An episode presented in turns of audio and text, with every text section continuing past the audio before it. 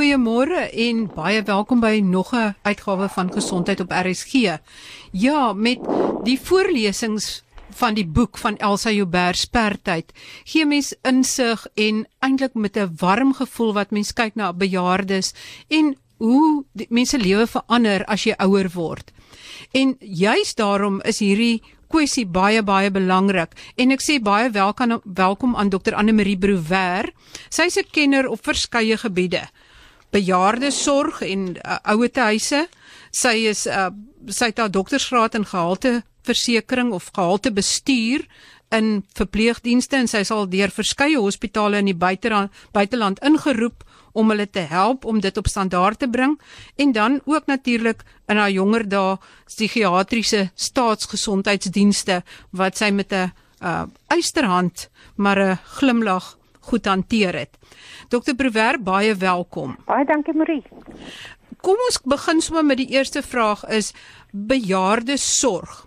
Wat wat is die tipiese dinge wat verkeerd gaan met 'n bejaarde en ek praat nou nie net van hoë bloeddruk en hartprobleme nie, maar meer goeters hoe hulle houding verander en en hoe dinge vir hulle moeiliker en anders te word en ek dink aan onlangs 'n voorbeeld van iemand wat eintlik 'n hoogs professionele persoon wat baie verwaarloos geword het omdat die die soos wat die mense ouer word en baie halstarrig word, hulle wil nie uit hulle huise uitgaan nie. Vertel vir my bietjie meer daarvan van hoe bejaardes anders te begin dink as jonger mense. Nou Marie, uh, ek ek dink uh, mense moet net versigtig wees om te veralgemeen want mense kry 90-jarige bejaardes wat op en wakker en meer op en wakker is wat ek is en dan kry jy mense wat op 'n vroeë ouderdom ehm um, alreeds uh, uh, afhanklik raak van ander omdat hulle nie meer self kan uh, uh, funksioneer nie. Uh oor die algemeen bejaardes uh, vind dat daar ehm um, 'n afname is van van alle liggaamsfunksies. En by sommige meer intens as by ander. Uh sommige is die fisiese ehm um, raak verswak en maar die brein bly helder en soms is dit anderste om. Uh, ek dink ehm um, uh, wanneer dit kom by die fisiese ehm um, afhanklikheid is dit nou maar net die mense kan nie is nie meer so mobiel nie. Ehm um, hulle hulle het gewrigstyfheid. Ehm um, soms het daar nou komplikasies van die blaas en van uh, inkontinensie wat natuurlik 'n groot probleem is vir die bejaarde. Ehm um, en uh, en soos wat jou afhanklikheid uh, of onafhanklikheid ingeperk word ehm um, kry jy mens dat soms die bejaarde 'n bietjie gespanne raak want hy voel hy raak uit beheer uit van dinge. Ehm um, en dan is my ondervinding dan op die op die uh, psigiese vlak en op die die brein asoks begin hulle vasklou aan aan hierdie onafhanklikheid wat hulle nog oorbly. En dis dan wanneer hulle so al sterf raak. Uh, want dit dit hulle voel hulle raak uit beheer uit van van dinge. Ehm um, maar oor die algemeen uh, uh, is daar 'n geleidelike afname van alle funksies. Uh het sy dit op 'n fisiese uh, vlak is en 'n mens gelukkig as 'n mens psigies nog helder bly. Ehm um, en watter een die moeilikste is sal 'n mens nou nie weet nie ehm um, so 'n geleidelike afname van van funksies. Ons vind dit uh, dit wat dit op 'n punt kom wanneer uh, hulle nie meer alleen in 'n huis kan bly nie of dat die ander egpaar nie meer kan help nie, dan is dit gewoonlik wanneer daar begin vra word Vrou kan ons moet ons nou in beweeg in 'n ouer huis of moet ons nou uh, van woonplek verander. Maar wat van ek bedoel ek verstaan 100% die die gevoel van dat mens so onafhanklik as moontlik wil bly en jy wil nie 'n las vir ander mense wees nie en jy wil jou eie besluite neem. Maar wanneer kom dit op 'n punt wat die uh, ouer mens miskien nie meer 100% die insig het om te besef dat hy eintlik verwaarloos is of te min eet en daarom die hele tyd gewig verloor. Met ander woorde, sy gesondheidstoestand gaan agteruit. Hy kyk nie meer so goed na homself nie, maar hy wil onafhanklik wees en die kind wil ook nie lelik wees en en dinge doen om die om die bejaarde ongelukkig te maak nie. Nou waar wanneer gryp mens in? Wanneer moet 'n kind ingryp of iets probeer doen as jy sien dat die ouer, die bejaarde ouer homself verwaarloos? Daardie ingryping is altyd 'n probleem. Uh om om vir jou ouers te sê of of vir jou pa te sê jy mag nie meer motor bestuur nie. Of om of, of dit dit bly maar altyd 'n moeilike probleem en en ek dink ek het verlede week genoem dat een van die belangrikste dinge wat daar is in in wanneer jy met ouers uh, en ouer pare te maak is dat 'n mens op 'n vroeë ouderdom wanneer hulle nog beheer het en verstaan en insig het dat 'n mens oor hierdie dinge begin praat en dat jy iemand in jou eh, vriendekring kry of in jou familiekring is wat amper die uh, die mentor word om hulle te begelei in die stadium want as hulle op 'n punt kom wat hulle wat jy gesien hulle begin uh, probleme skep dan moet daar alreeds amper 'n sosiale kontrak wees om te sê ons het mos nou al voorheen hieroor gepraat en is dit nie nou tyd nie want hoe hoe beter hulle voorberei is daarvoor hoe minder is die weerstand wanneer 'n mens moet ingryp. Uh daardie ingryping as daar nie so 'n sosiale kontrak is nie of as daar nie so 'n vertroueling is of iemand wat 'n goeie verhouding het met die ouers wat hulle kan ooreed nie, uh is gewoonlik dan wanneer daar 'n krisis is. Ehm um, en en baie keer gebeur die krisis wanneer uh, die ouer pa of een van die ouers val en hulle breek 'n heup of hulle breek 'n been en dan is daar 'n krisis in hulle in hulle lewe. En dan is dit miskien makliker om in te gryp. Maar mense wil ook nou nie graag wag dat daar eers 'n heup of 'n been gebreek moet word nie. Dit bly maar altyd 'n probleem. En hoe vroeër kinders met hulle ouers oor hierdie opsies begin praat en hoe beter hulle voorberei is hoe makliker is die ingryping.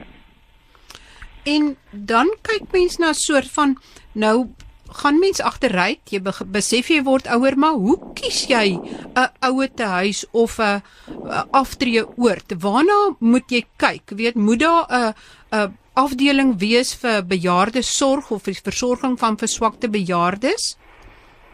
Goed, Marie, nou ehm uh, kom ons praat eers oor uh, ek het verlede week ook gepraat oor tuisversorging en die eerste opsie is natuurlik om tuis in in jou eie omgewing en waar die mense bekend is om daar af te tree mits daar hulpbronne is en mits daar toesig is.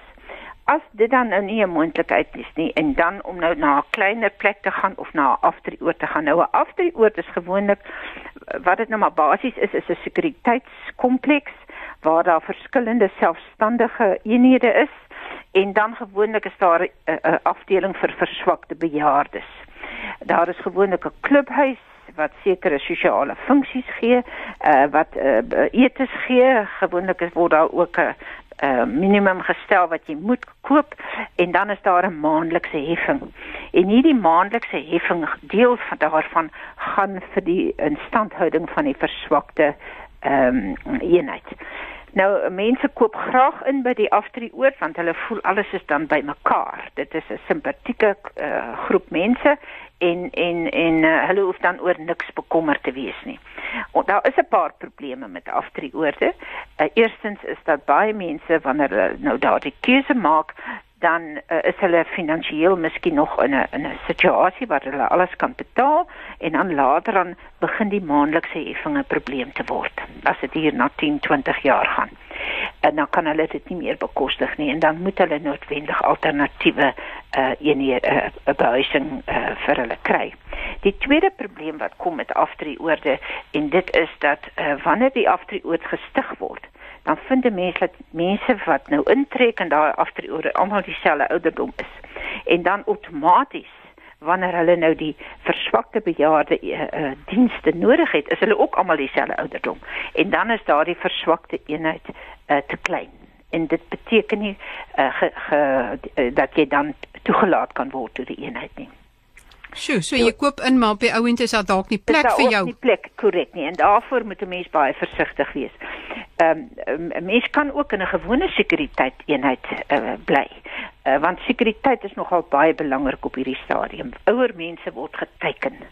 Ehm um, dis nie dat hulle iets verkeerd word nie, maar hulle word geteken juis omdat hulle ouer is en daarom as hulle nie in 'n sekuriteitseenheid bly nie, dan is dit soms net nou 'n bietjie meer gevaarlik. So uh, 'n uh, gewone sekuriteitseenheid, maar dan moet 'n mens ook in in uh, een daar daar is ook losstaande eenhede vir verswakte bejaardes en miskien moet 'n mens daarna ook kyk om dan liewer dan uh, uh, jou naam op 'n lys te kry sodat jy by hulle kan inkom. So daar's verskillende opsies. Dan die tweede is dan die gewone ouer huis en dis nou soort van ehm um, as 'n mens nou 'n klein dorpies kry, is daar altyd 'n ouete huis. Ouete huis het verander met die jare. Aanvanklik was dit onafhanklike mense wat daar gaan gaan bly het of bietjie hulp nodig het en die verswakte bejaardes was in die minderheid. Vandag is die situasie net mooi omgekeer. Die meeste mense uh, wat na ouete huise toe gaan want hulle is gewoonlik gesubsidieerd, uh, gaan omdat hulle verswak is en omdat die staat vandag net vir verswakte bejaardes subsidieer. Hulle subsidieer nie meer die onafhanklike en die wat net bietjie hulp nodig het nie. En daarom is ehm uh, het die hele aard van ouete huise verander. Nou waarna kyk 'n mens? Uh, het sy dit nou 'n uh, verswakte bejaarde eenheid is ehm uh, of 'n ouete huis? Ehm um, ek dink wat belangrik is is dat 'n mens moet kyk na die finansiële gesondheid van daardie uh, kompleks. En dan moet 'n mens kyk na die hele kompleks, na die kombuis, die kwaliteit van die etes. Mens moet kyk na die algemene higiëne van die uh, van die huis. Uh, hoe word dinge skoongemaak? En dis nou waarna ek sal kyk as ek nou my keuse moet maak. Hoe word die linne hanteer? Word dit reg ontsmet? Want ons werk met liggaamsvloeistowwe uh, as mense inkontinent is. Ehm um, ons kyk na die veiligheid. Watse veiligheidsmaatreëls is daar in die ouer huis? Watse is daar 'n rampprogram? Is daar 'n brandprogram? Brand is een van die grootste probleme met ouer huise. En dan moet daar ook 'n kwaliteits uh, uh, bestuursprogram wees. Jy kyk na die kliniese versorging. Kyk hulle net na die fisiese versorging of is daar ook sosiale of terapeutiese programme waarmee die bejaardes gestimuleer word. En nou praat ek nie net van eenmal 'n week se kerkprogram en 'n breiklub nie. Dit daar moet groepe en in in stimulasie op 'n daaglikse basis gegee word. Wat is die kultuur van daardie ouete huis? Gaan dit net om mense stil te hou en of gaan daar uh, wil hulle graag die mense stimuleer om nuwe dinge ook te, te leer en dan seker een van die belangrikste dinge waarna 'n mens moet kyk is na die personeeldekking. Ehm um, wie is in beheer van van die te, van die huis? Uh, is daar 'n geregistreerde verpleegkundige in beheer? En hier praat ek nou spesifiek van die verswakte eenheid. Ehm um, daar behoort uh, daagliks van 7 tot 7 'n geregistreerde verpleegkundige te wees, fisies teenwoordig soos die ons in die ou dae gesê het, 'n suster met die rooi epilette. En dan ehm um, en dan het sy hulppersoneel nodig, gewoonlik eh, 'n uh, stafverpleester om vir haar te help en dan in die nag behoort daar 'n stafverpleester ten minste aan diens te wees elke nag. En dan het hulle natuurlik hulpversorgers wat vir hulle bystaan. Nou Die wet op bejaardesorg van 2006 het sekere voorskrifte van hoeveel bejaardes daar moet hoeveel personeel daar moet wees. Daardie verhouding is 'n bietjie ehm uh, uh, uh, al verval. Hulle praat ook nog van drie kategorieë verpleegsters, verpleegassistente, stafverpleegsters en susters. Ehm um, maar ehm um, toe ek betrokke was by die departement maatskaplike werk hier in die Kaap het ons gewerk nou maar op 'n baie realistiese rasio van per skof dan dan behoort daar een versorger te wees vir elke 5 inwoners in in die verswakte eenheid. Ehm um, so dit gee vir mense idee hoeveel werk daardie versorger moet doen. Uh, sy kyk dus na 5 inwoners na die fisiese versorging uh, en dis meer. As jy praat van 'n versorger, sluit dit dan al hierdie kategorieë in? Nee, 'n versorger is 'n spesifieke kategorie, sy's 'n leuke persoon Ja. Sy ehm um, uh, sy ondergaan 'n uh, paar maande se opleiding. Ongelukkig is die versorgers nog nie hulle opleiding is nog nie gestandaardiseer of geakkrediteer nie. Uh, en hulle is hulppersoneel en hulle is die die goedkoper uh, kategorie. Hulle is nie verpleegsters nie. Maar wat mag hulle doen? Mag hulle bloeddruk neem en pille gee? Hulle mag en... geen kliniese versorging doen nie hulle doen uh, uh, uh, soos wat ons in die, in 'n soort van in 'n hospitaal situasie doen nie. Hulle mag net die pasiënte was en hulle help loop en met hulle speletjies speel. Uh, ek was baie bly om kennis te geneem het dat uh, verlede maand het die raad op verpleging baie uitdruklik gesê dat versorgers, dit is nou die leuke versorgers, glad nie betrokke mag wees by medisyne uitgee nie, want dit was 'n groot probleem geweest.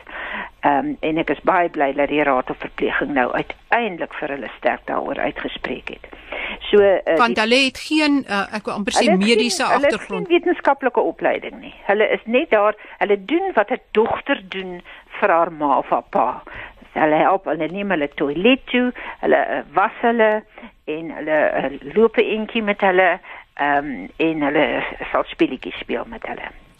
So uh, dit is en daarom is dit belangrik as ek moet kies van 'n ouer huis dat ek het nie 'n probleem dat versorgers daar help nie. Ek lei ook self versorgers op hier waar ek bly, maar dan moet altyd professionele toesig wees. En, en moet daai professionele toesig wat wat is die ratios daarvan? Die die, die kyk ons ons moet verstaan laat laat mannekrag is duur. En 'n mens moet nou nie onrealisties wees nie. Maar 'n geregistreerde verpleegkundige se spanwyte van haar beheer is gewoonlik 30 pasiënte. Mhm. So meeste van die uh verswakte bejaarde eenhede het omtrent 30 en soms 40 pasiënte in so 'n eenheid. En dan is een geregistreerde verpleegkundige genoeg. Maar sy moet aan diens wees van 7 tot 7. Met ander woorde, daardie ouer huis moet meer as een geregistreerde verpleegkundige in diens neem want dit gaan mos nou oor 7 dae. Sy kan mos nou nie 7 dae op mekaar werk nie.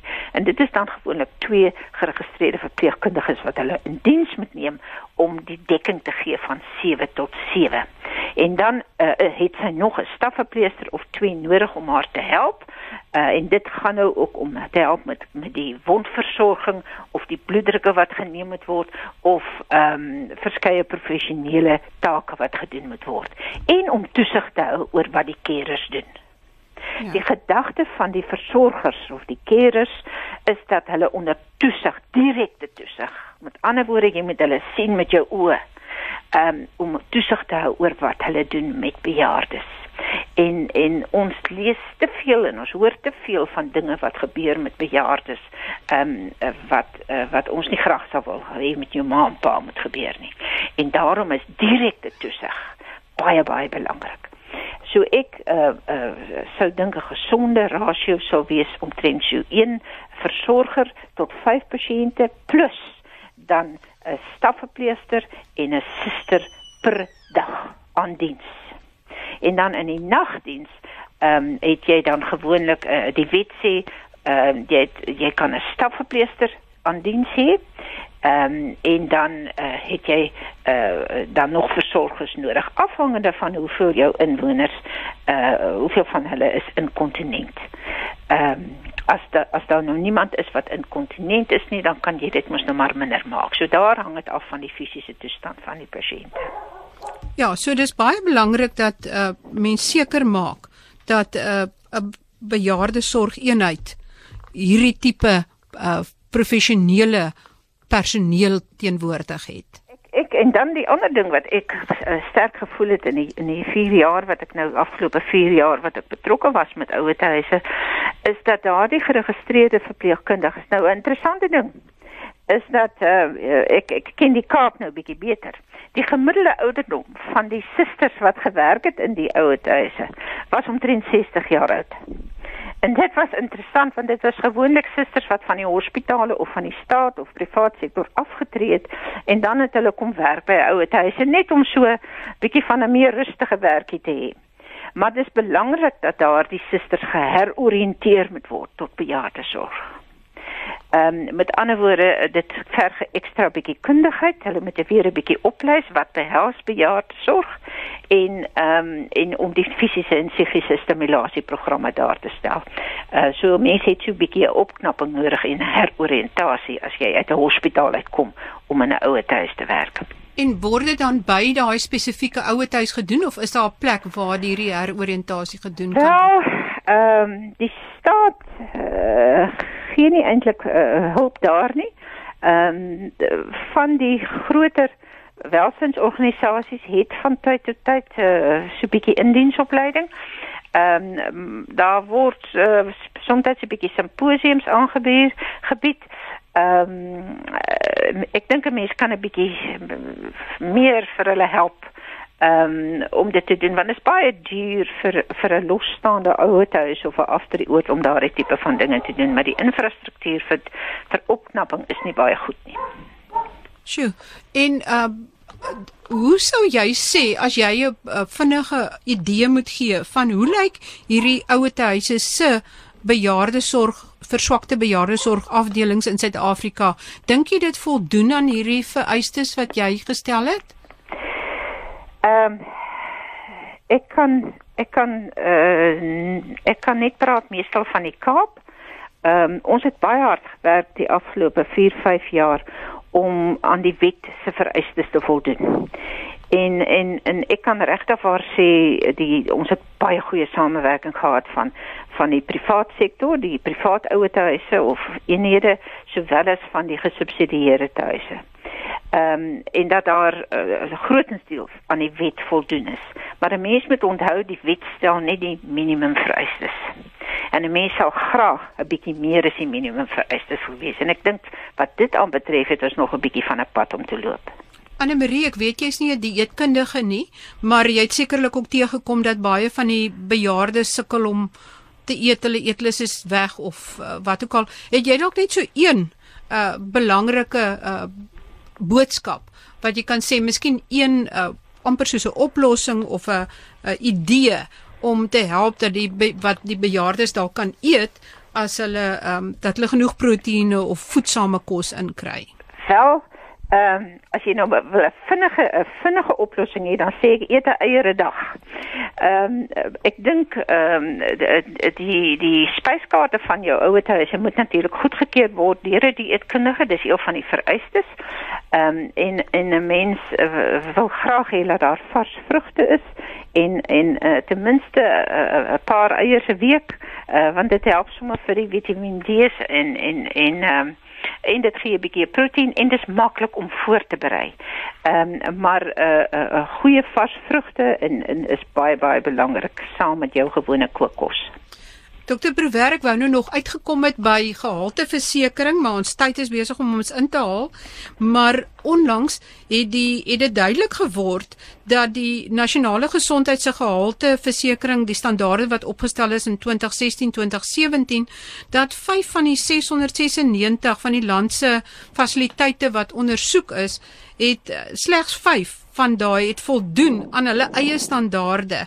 En uh, in die jongste verslag oor private gesondheidsorg het dit ook duidelik geword dat daar 'n gebrek is aan voldoende gehalte uh bestuur of gehalte versekerings. Uh hoe kan jy miskien net so in een sin sê hoe kan gehalte versekerings wat is die grootste beginsel waarop mens gehalte versekerings moet berus? Weet gereelde vergaderings, evaluasie, wat sou jy as net in 'n een sin boodskap gee? Marie, eh, dit is 'n proses. Ek dink ons moet begin by die opleiding. Ek het gevind dat die opleiding en voorbereiding van jou professionele persoon totaal ontoereikend is wat hierdie onderwerp aanbetrek. Daar is nie genoeg Suid-Afrikaanse literatuur oor die praktyk daarvan nie. Internasionale eh, literatuur wel. So die opleiding is 'n een, een probleem en ek dink ons bestuurders is uh onkundig oor oor kwaliteitsbestuur ehm um, en hulle moet uh, uh, as 'n integrale deel van hulle bestuur uh, behoort aan gewy word. So ons het indiensopleiding en heropleiding nodig en dan het 'n mens 'n stelsel nodig waar ons sistematies begin om wat reg is en wat goed is in 'n hospitaal gevestig te kry. Dis nie 'n maklike taak nie. Ons is baie agter uh, in internasionale ehm um, uh, wetloop vir kwaliteit. Ehm um, maar ehm um, uh, wanneer ons dit gaan doen en hoe ons dit gaan doen is is 'n hartseer storie. Jy ken my passie oor hierdie onderwerp. Ehm um, en en dis jammer uh, dat ons nou daar is baie van van die personeel in Suid-Afrika wat oorseese ervaring het, maar ons het nie die geleentheid om dit terug te ploeg in Suid-Afrika nie. Dokter Berwerk gaan jou beslis in die toekoms weer nader hart dat ons kan praat oor gehalte bestuur in gesondheidsorg juis omdat dit nou weer so warm onderwerp is maar baie baie dankie vir jou insigte en dat jy met ons gedeel het al hierdie uh, belangrike inligting oor bejaarde sorg Dankie Marie en wees veilig. Baie baie dankie. 'n Luisteraar skakel gerus volgende week weer in.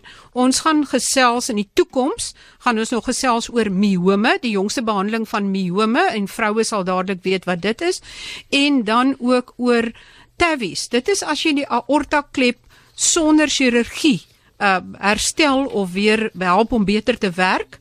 En dan gaan ons ook kyk van na aanleiding van hierdie Thai se uh, kinders wat so lank in die grot is, hoe lank kan mens met lae suurstofvlakke lewe en wat is daai minimum suurstofvlakke? Dit is maar enkele van die interessante onderwerpe wat ons binnekort gaan takel. Tot volgende week, dan sluit ek af. Groete van my, Marie Hudson.